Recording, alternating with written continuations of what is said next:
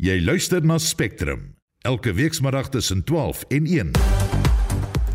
Goeiemiddag. In vandag se program Aardhoek sal op 1 Julie volgende jaar in werking tree. Die Big Mac indeks toon die rand moet minder as R9 teenoor die dollar verhandel. En NS vas hou vol dat sy nuwe betalingsstelsel werk. Welkom by Spectrum onder redaksie van Jean Esterhuizen. Die produksieregisseur is Daitron Godfrey en ek is Marieta Kreur.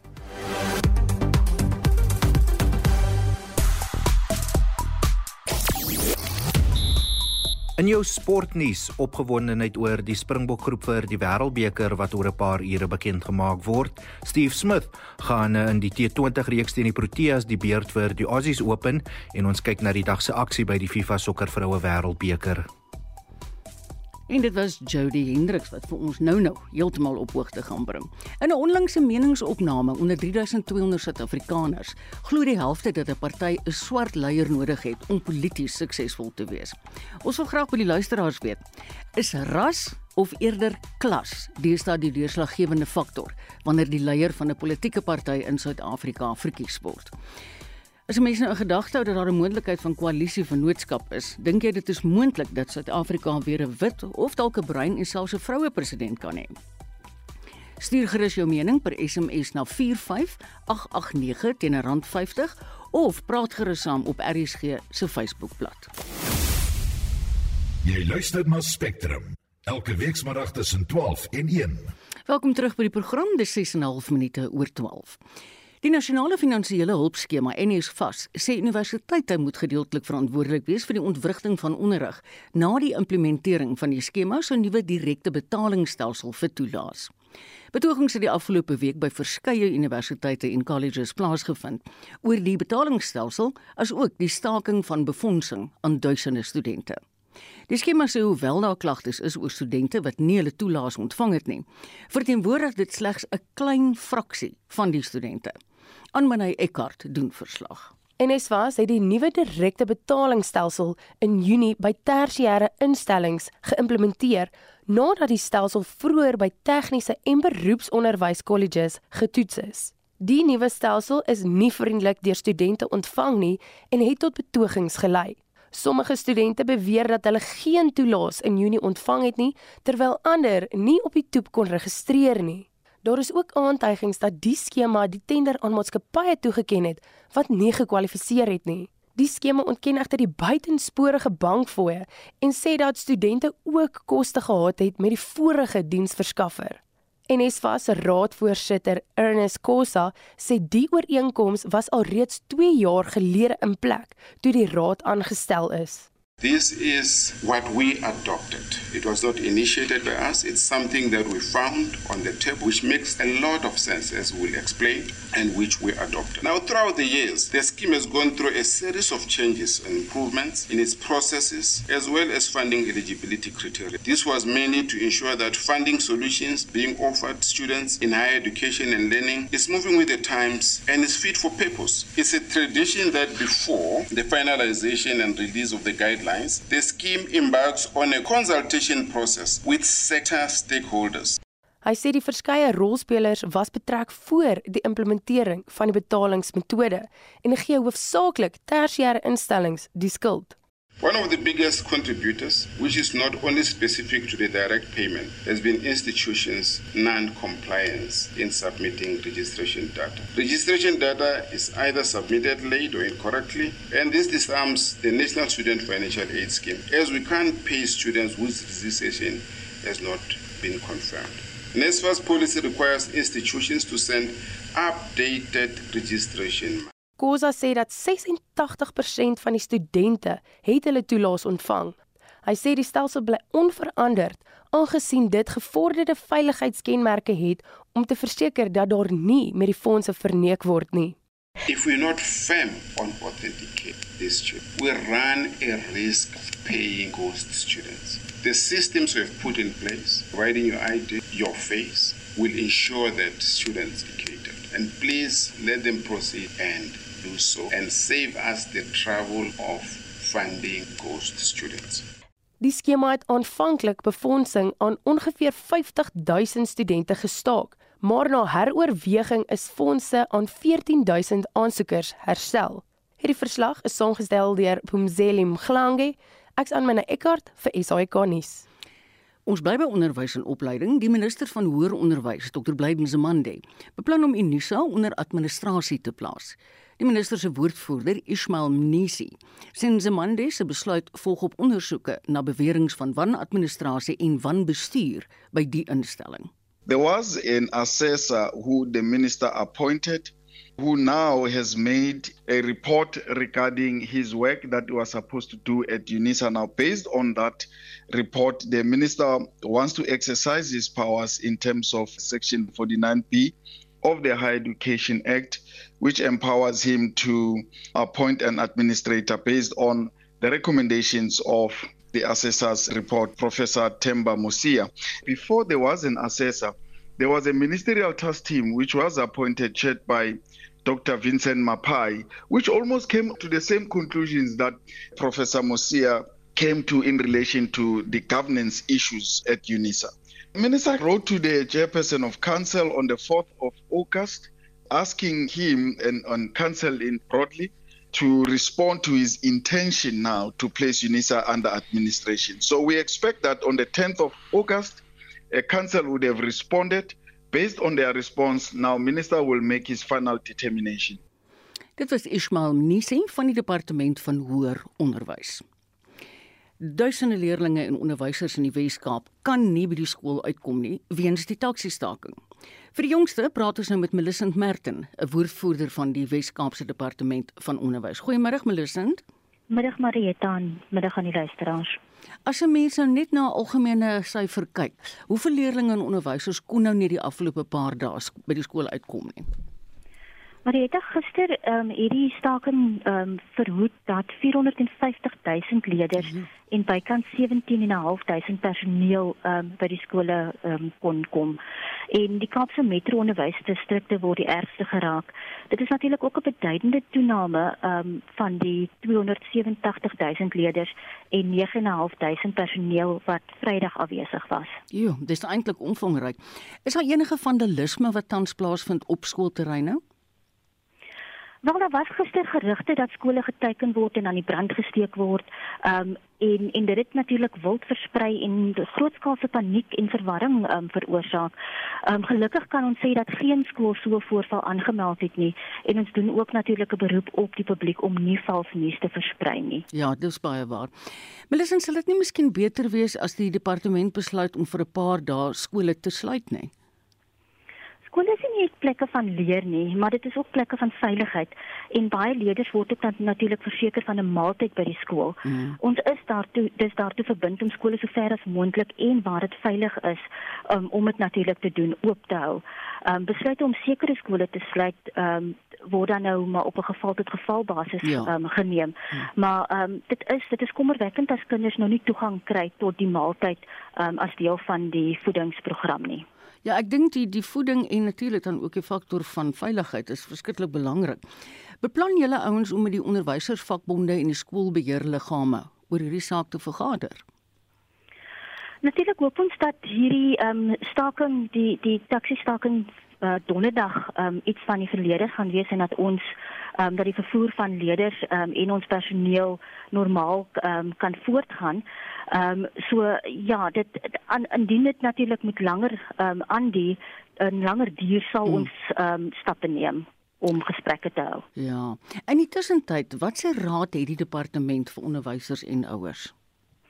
Wel ons vra natuurlik um, ons skoolgemeenskappe om enige tuistering of intimidasie van leerders wat skool toe vervoer word aan te meld sodat ons toepaslike regstappe kan neem. Ons kan net nie duld dat iemand ons kinders verhinder om toegang tot hulle grondwetlike reg op onderwys te verkry nie. Ehm um, en natuurlik ehm um, skole ehm um, ons ons seker die skole sal ehm um, die nodige hersiening ook doen ehm um, as hulle nou weer kan terugkeer na normaal. Ja, as inhaalprogramme nodig is, sal die skole dit wel voorsien definitief. Melisent baie dankie Melisent Merten, 'n woordvoerder van die Wes-Kaapse Departement van Onderwys. 14.5 minute oor 12. Die bedryfshoof van die Wes-Kaapse Departement van Gesondheid, Sadiq Karim, sê intussen misdadigers het gisteraan die Nolongile gemeenskapskliniek in Khayelitsha gevandaliseer. Die kliniek was gesluit toe die voorval plaasgevind het.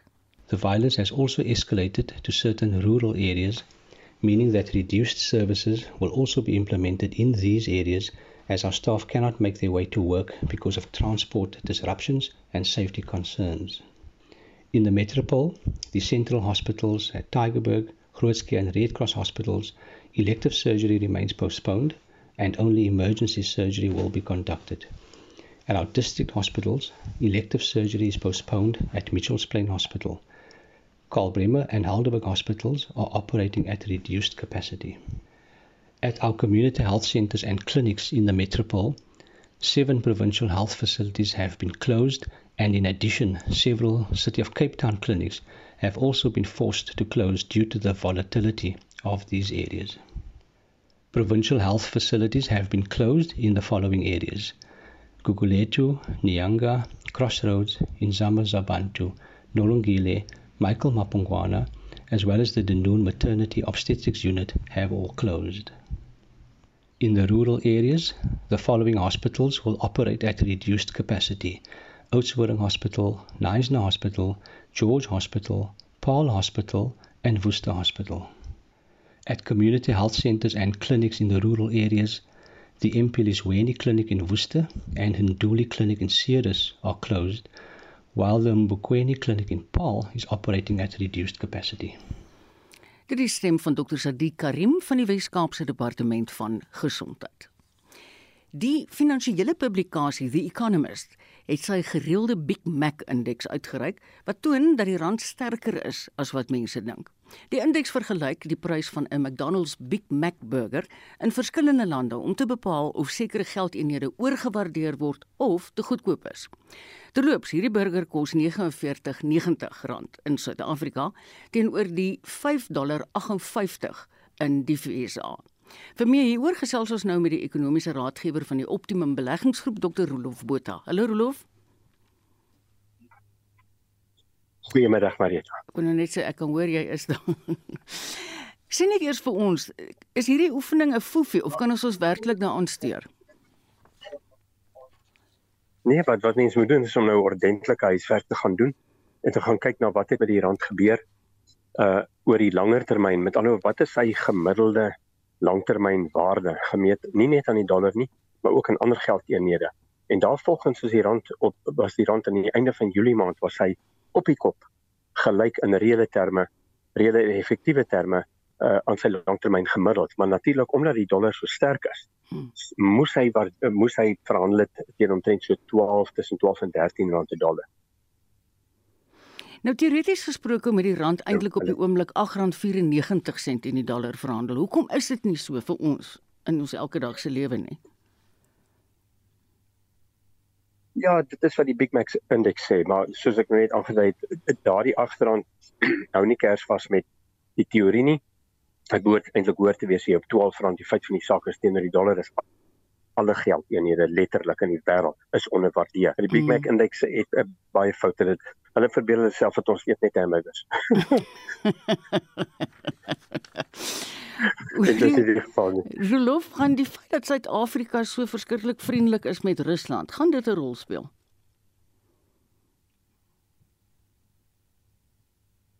Uh dit het tot nou toe nie 'n rol gespeel nie, nie, nie noemenswaardig nie in elk geval.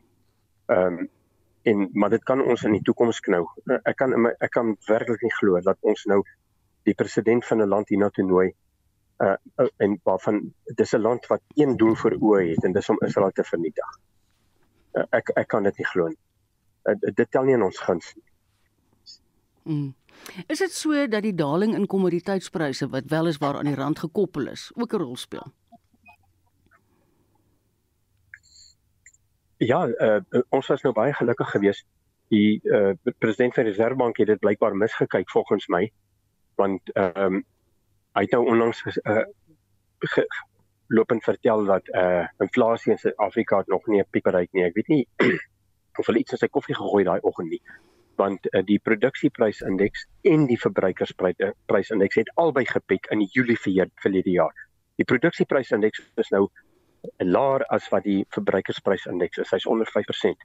Wat beteken dat inflasie sal aanhou um, aanhou daal, aanhou daal en ek glo dat ons die die rand sal verstewig as ons net ons ekonomie weer in rad kan ja. kry en daarvoor het ons baie laer rentekoerse nodig. Ja, ek weet jy sê dit al baie lank al. Rolof, net vinnig, ek weet jy's haastig om 'n vliegtuig te haal. Ons verskuif gou-gou die fokus na die brandstofpryse. Ek hoor in September gaan ons hoes. Ja, dinge het nou 'n bietjie teen ons gedraai hierdie laaste week of twee. Die die rand was tussen die 1 Junie en die 31 Julie. Ek dink die luisteraars sal dit nogal interessant vind as daai Olimpiese spele gehou word. Vir daai 2 maande dan het die rand met die goue medalje weggeloop. Brasilia in die tweede plek en die euro uh, het het sou die uh, brons gekry het. Maar ongelukkig in die eerste week van Augustus se dinge nou bietjie teen ons gedraai en die vervlakste olieprys. Het nou weer op op op gestyg. Hy hy het uit so mooi afgekom mm. na onder 80. Ek praat mm. Van West Texas uh se oliepryse nou sal weer hierso by 85. Ja, dit en daai twee faktore saam, effens uh, ja. Mm. Rolof baie dankie veilig reis. Dit was Dr. Rolof Botha, ekonomiese raadgewer van die Optimum Beleggingsgroep. Nou iets heeltemal anderster. Die aardtoewetgewing wat Julie volgende jaar landwyd geïmplementeer sal word, laat ons almal kopkrap. Hoe werk hierdie strafpunte en vir watter oortreding sal dit toegeken word? Nou ons het vir Alta Swan op die lyn. Alta is 'n privaat vervoerkonsultant wat help skryf het aan die aardtoe regulasies. Aard amper sê vir jou aardtoe. Hallo Alta, hoe gaan dit? uh, Goeiemiddag, goed dankie. Welkom hier by ons. Dankie. Hoekom, hoekom was dit nodig om bestaande wetgewing te wysig en geboorte nou te gee aan aardtoe? Jong, die geboorteproses kom nou baie ver. Dit is die dis die babatjie wat die langste gevat het om gebore te word. En dit kom van 1998 af en die groot rede is maar die strafproses regstelsel wat in plek is. Is eintlik geskryf vir mense wat aanranding en moord en diefstal en daai tipe van sake het. En die die manier waarop wetstoepassing deesdae gedoen word wat baie kamera georiënteerd is, elektronika en so voort. Die strafproses stelsel is nie regtig geskryf om dit te akkommodeer nie. Um, ons ons stelsel kom letterlik van 1977 af. Baie ou prosesse vir betekening van dokumente, al daai tipe van goed. So die aardstelsel het maar meer ook ingegaan met 'n uh, dekriminalisering van baie oortredings. Mm. Um, en dis 'n wêreldwye tendens om goed wat nie so ernstig beskou word nie, mense kriminele oortredings voor te gee nie. Kyk, as ek reg is, ek sê altyd daai wetgewing geld reeds in Johannesburg en Pretoria. Het julle bevindinge tot dusver? Ja, die kyk die stelsel het uh, basies twee bene. Die een is 'n uh, uh, administratiewe stelsel waar hulle in plaas van dat al die sake basies op 'n hofrol beland en met 'n kriminele saak is, word dit uit dit uit daai proses uitgehaal en 'n administratiewe stelsel in plek gesit en dit werk nou in Johannesburg en Pretoria al vir oek die laaste 13 jaar. Wat nog glad nie getoets is nie is die die die strafpuntstelsel. Ja. En dis die groot rede daarvoor is mens kan nie eintlik met ons um, 'n landjie wat vir elke ding hof toe hardloop. Ehm um, uh, enigstens 'n stelsel implementeer waar jy vir mense in Pretoria en Johannesburg gaan strafpunte gee en dan die mense in die res van die land, mm. jy kan net dink wat dit gaan veroorsaak. Ja, ja. So dit is nou ongelukkig so dat die strafpuntstelsel is eintlik maar die tande en dit is die ding wat mense gaan hopelik dat bang maak om die oortreding te pleeg want 'n is 'n is 'n administratiewe proses waar die kriminele proses wat tans daar is die hoof motivering is maar om die mense se kriminaliteit te kry om hulle boete te betaal, hopelik te beses bestuur om aan te hou om, om oortredings te pleeg en dan hulle te begin gedra. Maar duidelik het dit nie gewerk nie. So nou moet hulle 'n addisionele stok bysit met die strafpunte om te sê en as jy om nie te gedra nie, dan gaan ons jou lisensie wegvat want jy moet nou na die pad wees nie. Um, en daai gedeelte kan niemand eintlik sê het het misluk so ver nie want niemand kon dit nog toets nie want ons moet wag dat dit landwyd in werking is. Alhoewel kan jy vir ons in 'n neutedop verduidelik soos vir 'n 3-jarige presies hoe werk dit? Aardklop basies drie prosesse. Die eerste een is jy kry uh, jou boete wat wat wat nou gewoonlik kan wees hulle stop jou langs die pad, dis 'n RT1. Ehm um, hulle kan vir jou 'n RT3 stuur wat 'n baie meer formele proses is as wat die strafproseswet is. Die strafproseswet het 'n dokumentie wat hulle vir jou stuur wat daar geen reëls is oor hoe dit geteken word nie. Omdat baie mense dan nooit boetes gekry het nie, het hulle in die RT-stelsel gesê dan moet 'n formele proses wees. Nou ongelukkig was deel van die proses geregistreerde pos en uh, niemand by RT het geweet dat die poskantoor nou nie eintlik nie die ster in die storie gaan wees nie. En dit het sekere probleme veroorsaak. Ehm um, so daar was wysigings op die wet aangebring om 'n elektroniese meer vernuwende proses daar te stel wat mense soos wat mense dokumente by vas kry en so aan dat hulle dit vir jou e-pos om dit 'n makliker proses te maak dat almal weet hoe hierdie oortreding ek wat ek nou moet kyk. Die persoon het dan 'n paar opsies. R2 het 'n ingeboude uh, afslagstelsel van 50%. Jy kan die drywer nomineer as dit 'n boete is wat jy deur die pos gekry het en dit is nie jy wat bestuur dit nie. Jy kan vra om jou boete af te betaal. Ehm um, of jy kan natuurlik sê o, alle goeie Suid-Afrikaners net terugsit en sê jy gaan nou niks doen. Um, en dan kyk jy wat gebeur. En die stelsel sê dan nou 32 dae later kyk hulle en hulle sien maar jy het niks gedoen nie. Dan stuur hulle vir jou 'n tweede ding. Hulle noem dit 'n hoflikheidsbrief of 'n of 'n courtesy letter. Dis nie so hoflik nie want dit sê ja, jy het nou jou eerste geleentheid gemis. Jy gaan nou die volle bedrag betaal. Jy kry nie meer afslag nie. Jy kan nie meer 'n ander drywer nomineer nie en ons gaan vir jou 'n administratiewe fooi vra.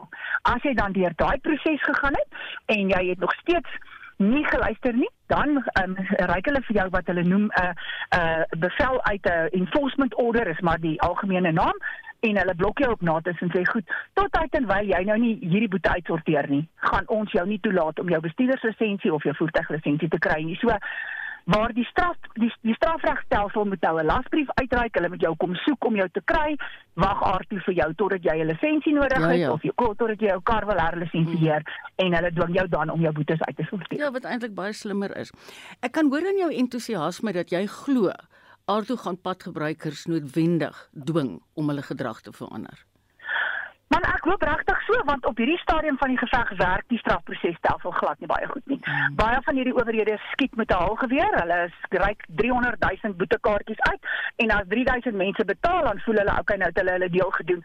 En vir my is die grootste bekommernis is jy weet as iemand iets verkeerd doen en hy word glad nie gevang nie, dan dink hy het weggekom. As hy gevang word en hy kry 'n boete daarna en daarna gebeur niks met hom nie, dan verloor hy sy sy respek vir die wet. En dis ongelukkig wat ons nou hierdie stadium mee sit. Ons het vreeslik, ons het 800 landrooskantore daar buite. Landrooste en aanklaers hanteer verkeersoortredings almal verskillend. Daar is die strafproseswet het nie regtig 'n vaste vaste reëls oor hoe baie van die goed moet werk nie. So die die bestaande stelsel werk nie so lekker nie. Al die owerhede wat vreeslik vashou aan die ou stelsel is is vir my 'n partykeer 'n bietjie van 'n grys area. Ek verstaan nie waarom hulle so entoesiasties is om nie aardo te implementeer nie. Aardo is geskryf om verkeersoortredings uit te sorteer. Dis glad nie 'n geldmaakstelsel nie, want wat hulle basies doen as 'n maatskappy 'n boete kry en hy nomineer nie 'n drywer nie, dan straf hulle daai maatskappy. Hulle is nie op soek na die geld nie, hulle is op soek na die skelm wat agter die stuurwiel gesit het en ander mense raak kry. So die stelsel is geskryf om te sê ons wil hê jy moet op die ou end besef jy dit kos te duur om die boetes te aanhou moet betaal en as jy gaan punte teen jou naam kry so begin jou gedra. Jy het nou op 'n sekere manier eintlik my laaste vraag aan jou geantwoord want ek wou jou gevra het of daar enige dis 'n belangrike vraag te staan in Suid-Afrika is daar enige moontlikheid vir korrupsie wat binne die toepassing van aardtoe wetgewing gepleeg kan word. Maar dit klink my nie so nie. Maar dis dis dis 'n meer uh, afstandstelsel. Jy weet jou jou bestaande strafregstelsel as jy nou daar by die by die persoon inloop wat jou kan help met jou boete, dan jy daar gesprek oor die tafel en natuurlik, jy weet dit is 'n persoonlike proses. Terwyl aardtoe as jy as jy 'n vertoe wil rig omdat jy voel jy jy's nie skuldig nie, dan moet jy 'n uh, 'n uh, uh, verenigde verklaring maak en jy stuur dit iewers heen. Jy kan nie met iemand gesels en hulle verduidelik wat jou probleem in die whisky saamgee nie. So die die die feit van die saak is die die stelsel is geskryf om die korrupsie minder te maak. Ja. Waar geen stelsel help nie, is is die kontak langs die pad. Jy weet dit is mm. iets wat mense mm. net moet besef. Jy weet jy kry mos baie van daai braaivleis stories van o, jy weet die beampte het my vir 'n paai en 'n coke gelos. Jy moet net onthou jy's besig om jouself ook skuldig om te verduil. Jy's ook skuldig aan korrupsie. It takes two. Ja ja. Ehm um, ek moet jou sê, ek dink dis miskien hoekom party van die munisipaliteite daar in die ou stelsel vaskleef.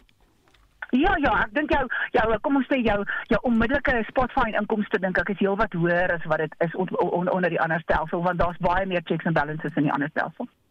Baie dankie. Ek kan hoor jy ken hierdie wet uit jou kop uit. Dit was Alto Swanepoel, 'n privaat vervoer konsultant wat betrokke was by Arto se regulasiese opstelling. Spectrum, jou middagnuusprogram op RSG. Wat of ons voorlê vanmiddag, die regering het die teenstortingstarief op bevrore hoender van oorseese lande goedgekeur. En ons het die jongste nuus oor die Senzo Miyiwa moordverhoor. Bly gerus ingeskakel.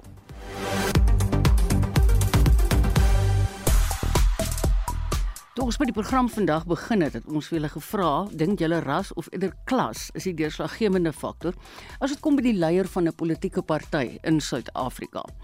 En ons het wonderlike terugvoer gekry. Anonieme luisteraars sê dit hang grootendeels van die persoon af. Ek is oortuig byvoorbeeld as Tuli Madonsela 'n party sou begin, sal sy president word. Pierre Conradie van Kuilsrivier definitief klas met sterk leierskap en verbale spraak.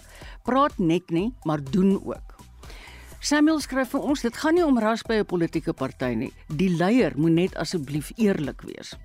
Genet van Kaapstad is van mening 'n suksesvolle politieke party is nie noodwendig 'n effektiewe party nie.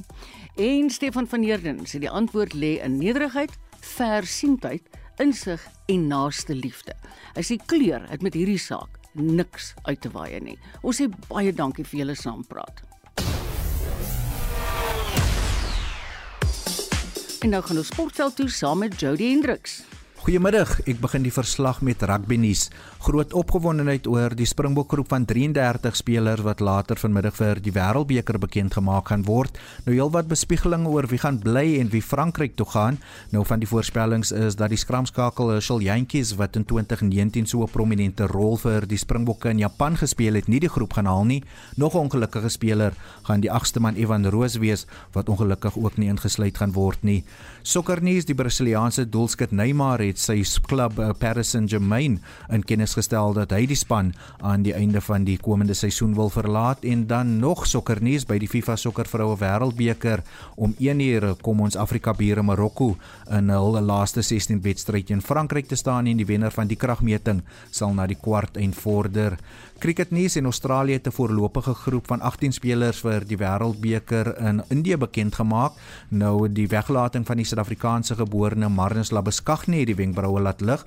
Labuschagne is een van die wêreld se beste toetskolwers, maar na 30 eendagwedstryde het hy slegs 'n gemiddeld van 32 en dit is moontlik die rede vir sy weglating. Die 18 spelers wat bekend gemaak is, kom ook later die maand in Suid-Afrika toer waar hulle in 3 T20 asook 5 eendagwedstryde teen die Proteas gaan speel en daar's ook bevestig eh, dat die voormalige Aussie kaptein Steve Smith die aanvangskolwer in die 3T20 wedstryde gaan wees. Tennisnuus: Davis beker aksie is terug op eie bodem. Die Davis beker Afrika groep 3 toernooi begin môre in Pretoria en die trekking van wie teen wie gaan speel vind vandag plaas. Suid-Afrika, Benin, Algerië, Namibië, Senegal, Ivoorkus en Zimbabwe gaan sake uitspook om na die Davis beker Afrika groep 2 toernooi te vorder Jody Hendricks vir RSG Sport.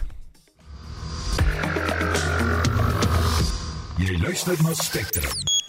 Elke week saterdag tussen 12 en 1. Die onderwerp van ons volgende bydrae kom ook al 'n hele paar aan. Die minister van Handel en Nywerheid, Ibrahim Patel, het uiteindelik die teenstortingstarief op bevroore hoender van oorsese lande goedgekeur en dit sal tot 1 Augustus 2027 geldig wees. Isak Bruitenberg van die Suid-Afrikaanse Pluimvee Vereniging het aan Annelien gesê, "Die nuus is betekenisvol vir die plaaslike bedryf." Ons het 'n uh, voorlopige tarief gehad tot en met Junie verlede jaar en omdat minister Patel bekommerd was oor die impak van die tarief op die arm mense wat hoender koop, het hy die tarief uitgestel na Augustus hierdie jaar toe. En ons het nou daai tarief gekry. So dit gee ons die geleentheid om die industrie reg te ruk, dit gee ons 'n geleentheid vir belegging, dit gee vir ons 'n geleentheid vir ekonomiese groei en ook werkskepping in die industrie hoekom dink jy het dit die minister so lank geneem? 12 maande geneem as ek reg is. Ek dink wou hê as mens terugdink aan die aan die tyd toe eh, die tarief op was vir 'n besluit, was die voedselpryse in die algemeen geweldig hoog. Ons het baie hoë voedselinflasie op daai stadium beleef en minister Patel het nie regtig 'n studie gehad of feite gehad waarop hy kon bepaal wat sou die deurgangstempo wees van hierdie tarief op die verbruikerspryse nie. Nou wat ons gedoen het as 'n industrie in die afgelope jare is ons sê Genesis Analytics, dit is 'n maatskappy met 'n klomp ekonome, gevra om vir ons 'n studie te doen om te bepaal wat is die deurgang tempo van hierdie tarief op die prys van hoender. En hulle het bevind dat dit eintlik net 'n marginale impak sou hê op die prys van hoender indien enige. Juist die vraag, wat beteken die nuus vir die verbruiker? Ek dink vir die verbruiker beteken dit nie verskriklik baie nie. As 'n mens kyk na die prys van hoender, dan is ons hoendervleispryse op 'n hoë basis as ek dit so kan noem. En die rede daarvoor is tweeledig. Die eerste rede is dat ons het geweldige hoë grondstofpryse. En grondstowwe maak ongeveer 70% van ons produksiekoste uit. En dan tweedens het ons hierdie geweldige vlakke van beerdkrag gehad in die afgelope jaar wat 'n groot impak gehad het op die prys van hoender. Nou as ons na daai twee goed kyk, dan is die prys van hoender hoog, maar as ons kyk nou wat ons sou verwag van die implementering van hierdie tarief, dan sal dit marginale impak wees op die prys van verbruikersprys van hoender indien enige. Dan het die minister sy bedenkinge oor pryse dat pryse nie buitensporig moet raak nie. Hoe kan en sal die Suid-Afrikaanse pluimvee vereniging dit kan bestuur? Dit is belangrik vir ons om te kyk na die lae-inkomste verbruiker want hulle koop 'n geweldige hoeveelheid van ons produkte elke maand. En ons is baie bekommerd oor hulle en ons kan ook nie toelaat dat die prys van hoender buitensporig sou toeneem nie. Vir redes wat nie werklik met kostes verband hou nie. So as 'n mens kyk na die hoenderindustrie dan het ons oor jare geweldige kompeterende pryse op hoender gehad. En die industrie kon dit teweegbring omdat die industrie wêreldkompeterend is. Soos ons hier staan, is ons produksiekoste presies dieselfde as Amerika. Ons het 'n betekenisvolle laer produksiekoste as die Europese Unie en ons is marginaal onkompeterend met Brasil in terme van ons pryse. Nou as ons praat van ingevoerde hoender, dan is ingevoerde hoender nie vir ons 'n probleem nie. Ons kan kompeteer met daai pryse. Wat wel 'n probleem is, is wanneer daar gestorte hoender in die mark inkom. Nou as ons kyk na wat het gebeur in die afgelope tyd en wat die impak op die verbruiker sou wees, dan het die invoerders is glad nie die voordeel van storting deurgegee aan die verbruiker nie. Ons het nie hoender in die mark gesien wat 50% verkoop op 'n prys van 50% onder die markkoste nie. En daarom sou ons nie verwag dat daar 'n toename sal wees in die prys nie of 'n materiële toename nie of 'n betekenisvolle toename nie. Ons sal net 'n klein toename moontlik verwag op prys. So ons kan voortgaan en lekker hoender eet dink met die oor die verhoogde hoeveelheid omset wat ons kry omdat ons van hierdie gesorte hoender invoere vervang in die lokale industrie kry ons ekonomie van skaal en langtermyn gaan ons goedkoop hoender produseer. So sê Isak Breitenberg van die Suid-Afrikaanse Pluimvee Vereniging. Daar's twee groot hofsaake op die oomblik aan die gang. Die een is die Tabo Besterse en die ander een is die Mayiwa. 12 beskuldigdes het vandag in die Bloemfontein Landdroshof verskyn op aanklagte wat verband hou met Tabo Bester se ontsnapping uit die Mangaung gevangenis. Die beskuldigdes sluit Bester en sy vriendin Nandipa Magudumana in. Ons praat nou met Apu Milele Ndlalane oor die saak. Good afternoon Apu Milele. Afternoon Marietta and also to the listeners. I understand that there was a complaint by Bester that he is not being treated very well at the Khosi Mampuru. Now, am I right in saying this is a high, high uh, safety, security facility? And secondly, it isn't a five star hotel.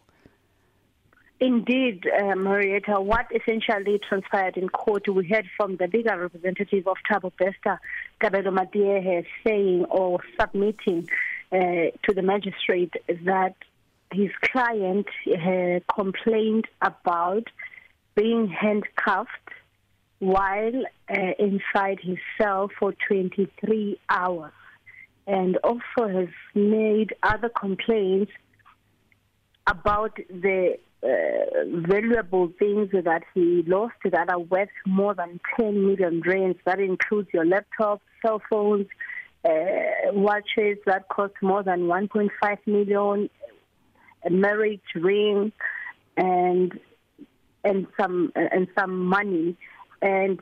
Uh, the magistrate didn't really say anything about that, but the, the legal representative was uh, essentially indicating that they were they wanted to see this on record so that it can be known that investigations therefore will have to be conducted.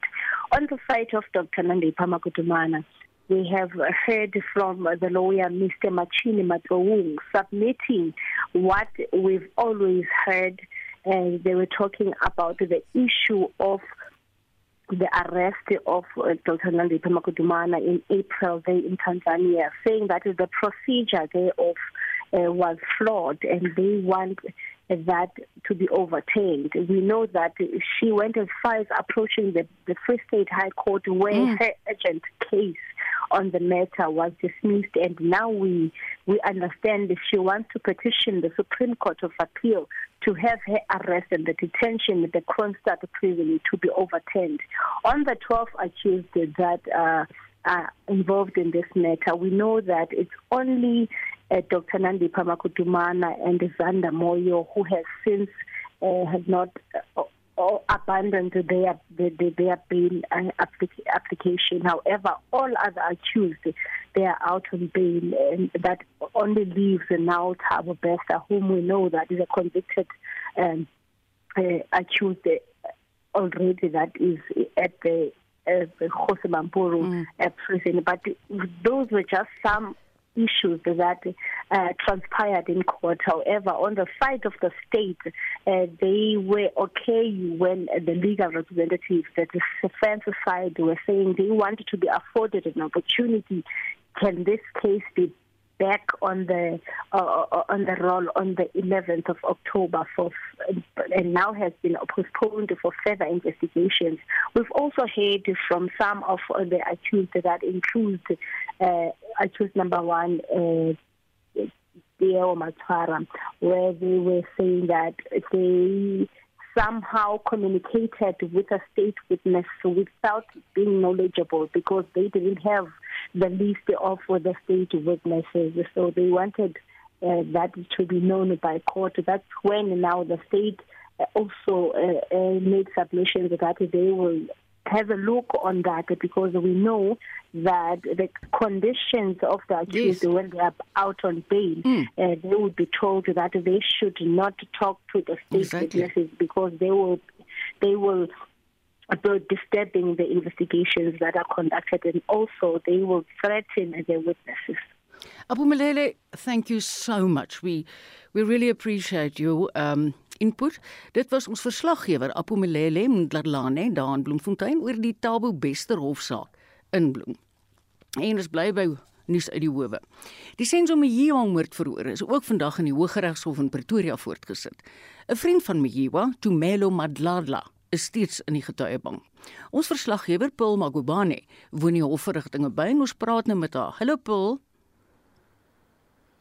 Good day. How are you? I think I should ask that for you because this is a long court case. Please recap for us what happened on the night Miyewa was killed, according to Tumelo. Well, Tumelo Mazala said they were relaxed at uh, Kelly Kumalo's home in Vosloorus when uh, two intruders came in. He insists that one was wielding a gun. Uh, although not pointing directly to a specific individual, uh, when he only saw the second intruder when uh, Mayua moved from the first one and pinned the second one to the wall, and that's when a, gun, a gunshot went off. He couldn't recall how many uh, gunshots, you know, heard from other witnesses that it was two or three, but he says that he only heard one. And he insists that one of the intruders is actually in the courtroom and pointed out Bongani Ntanzi, who is accused number two. Did he elaborate on allegations of interference by the investigating officer in the Miyuwa case, Joyce Buthelezi? Yes, uh, once again, Joyce Buthelezi, you know, has uh, been on the spotlight. The previous witness, Mtogozisi, complained that Joyce assaulted him, wanting him to change his initial statement say that there was no intruder. So what Mazala is also saying is that Joyce wanted him uh, to change his statement, but he refused, uh, saying that he acted like uh, she acted like a caring mother, only you know to do uh, what he says is dirty work, and says that he doesn't respect her, trust anything that uh, you know she has done. There is a second docket that uh, you know statements were contained by Joyce Buthelezi. However, it seems like it has not been commissioned. The defense has been trying to you know, just uh, read out some extracts from it state and uh, but Madlala says he, he did not change his statement. He does not know where they get that info. Oh interesting. What else did he testify to during cross examination Well, he seemed very irritated by Defense Counsel Sipho Ramosepeli, who insists that there were no intruders and that Mazala and the rest of the people in the house are making up the story about the intruders. And he's just annoyed, and you know, they had some. Uh, unpleasant exchanges. So, but Dumel has since um, apologizing that he's just angered by this version because according to what he experienced, there were two intruders and he has not, uh, you know, uh, this has been a traumatic experience for mm. him. So they should just let go of that version that there were no intruders that entered that day. Paul, I hope it goes well for the rest of this case. Dit was ons verslaggewer Paul Magubane. KwaZulu-Natal se ALR vir menslike nedersettings, Sipho Nkosi, het onwettige besetters van tydelike behuising in Wentworth in die suide van Durban gewaarsku dat hulle uitgesit kan word weens hulle optrede. Dit kom nadat mense wat in oorvol regeringswoonstelle gewoon het, 'n week gelede tydelike eenhede beset het wat opgerig is as deel van 'n projek om meer as 1000 woonstelle op te knap. Nkosi sê die regering het planne om 200 nuwe wooneenhede in die gebied op te rig. Dries Liebenberg doen verslag. Inwoners het aan Nkosi gesê hulle het 4 LER's en kom en gaan. En steeds is daar geen verskil in die haglike omstandighede waaronder hulle in regeringswoonstelle woon nie.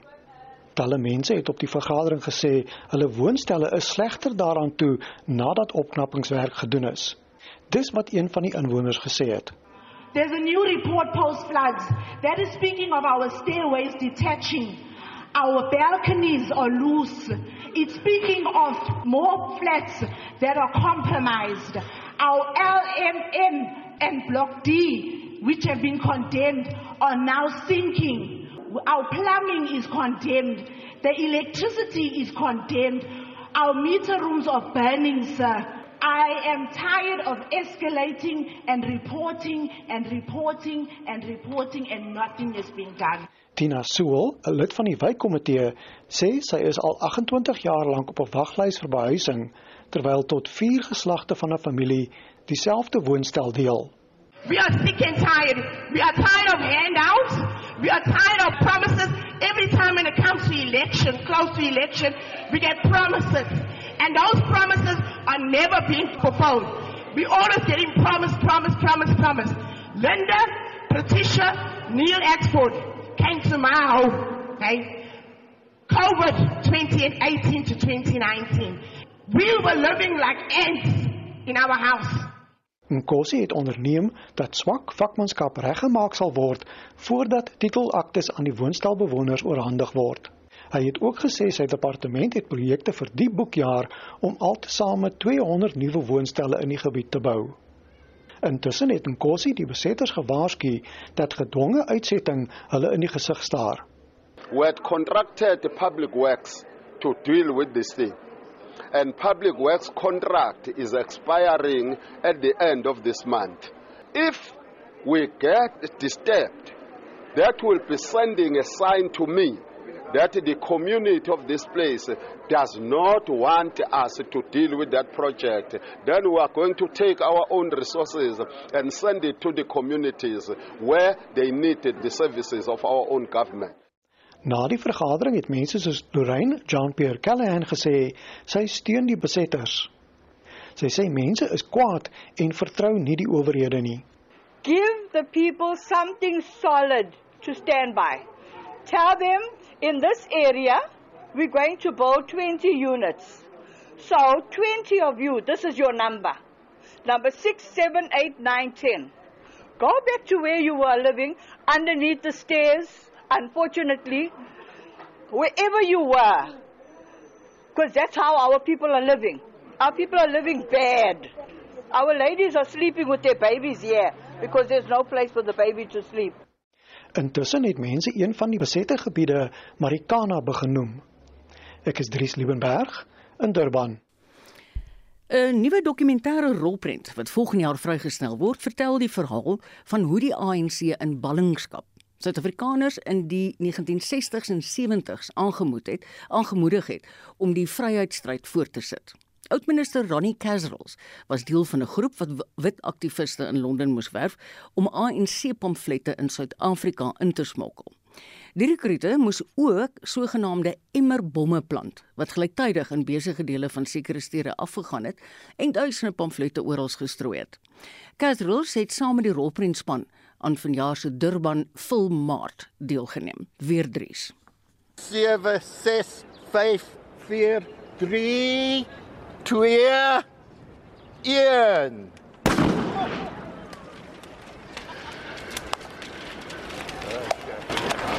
Pretty good.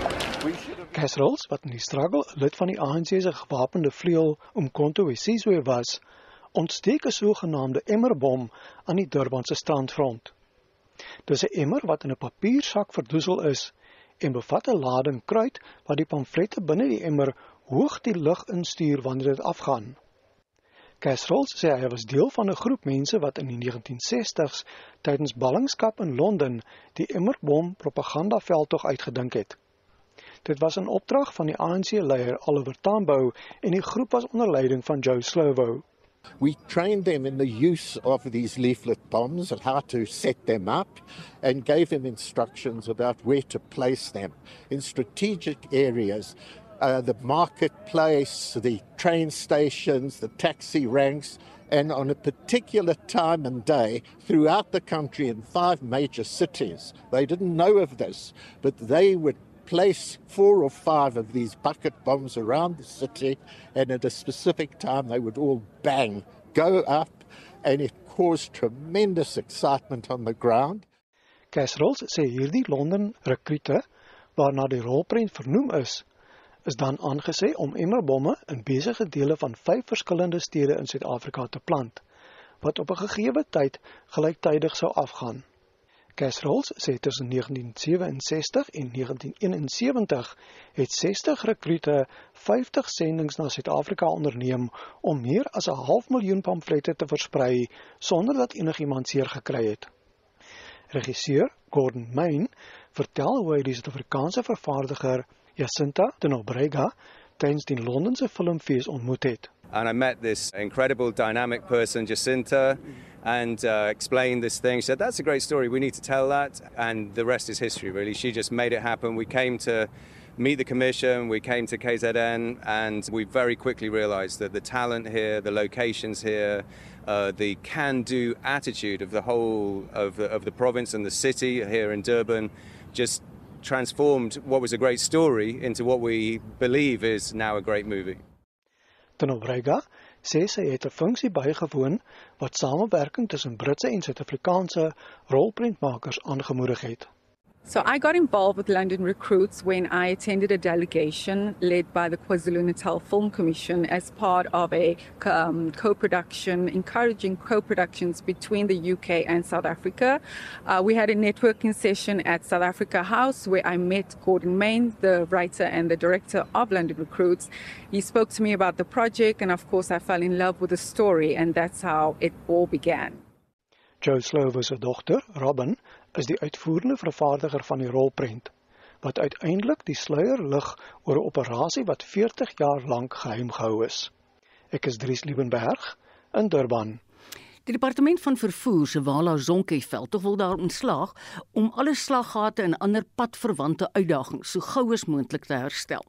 Annelie Eckart Die minister van vervoer, Sindiswe Shikunga, sê die Wallazonke veldtog vorm deel van 'n nasionale ingryping om padinstandhouding te verbeter, om slaggate te verminder en om noodlottige ongelukke te voorkom. Wallazonke Forum carries with it the following benefits, which include the effective communication between members of the team and the public.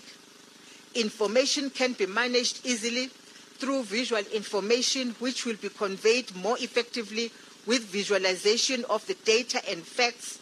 A specialist here will be able to analyze the data and respond. Better interaction also is yet another benefit.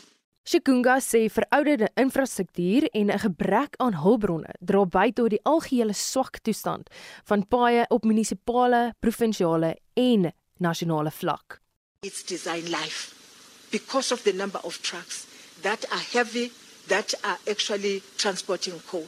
And that is why we are in interaction with our counterparts, the Department of DPE, to say let's move with speed in ensuring that we remove some of the rail friendly cargo to rail so that we remain with the road friendly cargo on the road. And for us, this is very desperate and it is required. That will be the same thing with N3. It doesn't matter how much we expand that road, how much we maintain that road, but if the traffic of trucks will continue at what it is and even more, then of course we will never be able to keep up. Chris Glabisa is die departement van vervoer se direkteur-generaal vir padinfrastruktuur. Hy sê die veldtog fokus nie net op die herstel van slaggate nie, maar ook op die kwaliteit van die herstel wat gedoen word en of dit op standaard is. The money that we normally allocate to the provinces is about 12 billion rands, uh, 13 billion rands per annum to all nine provinces that regards to the provincial road maintenance grant. Is it fruitful? Yes, it is, because the only problem that we have been having is that we have not been having the line of sight to see what has been happening in each and every road, in each and every corner of our country. Now, with this Operation Valazonke, we are going to be able to see what photos are being fixed. We are now recording them. We will know exactly where the money is getting spent, and we will be able to account better even the turnaround time of fixing the, each and every pothole in our country. Sanral se uitvoerende hoof, Reginald de Mana, sê deurlopende monitering van padherstelwerk sal verseker dat die instandhouding op standaard is. Hierdie verslag is saamgestel deur Paul Magabane, ek's aan Minay Eckart vir die SAK nuus. Tyd vir my om te groet. Dit is die einde van hierdie uitsending vandag van Spectrum. Nou moet ons hele redaksie wens ons jou 'n aangename dag verder toe in die geselskap van RSG en net hierna volg 360.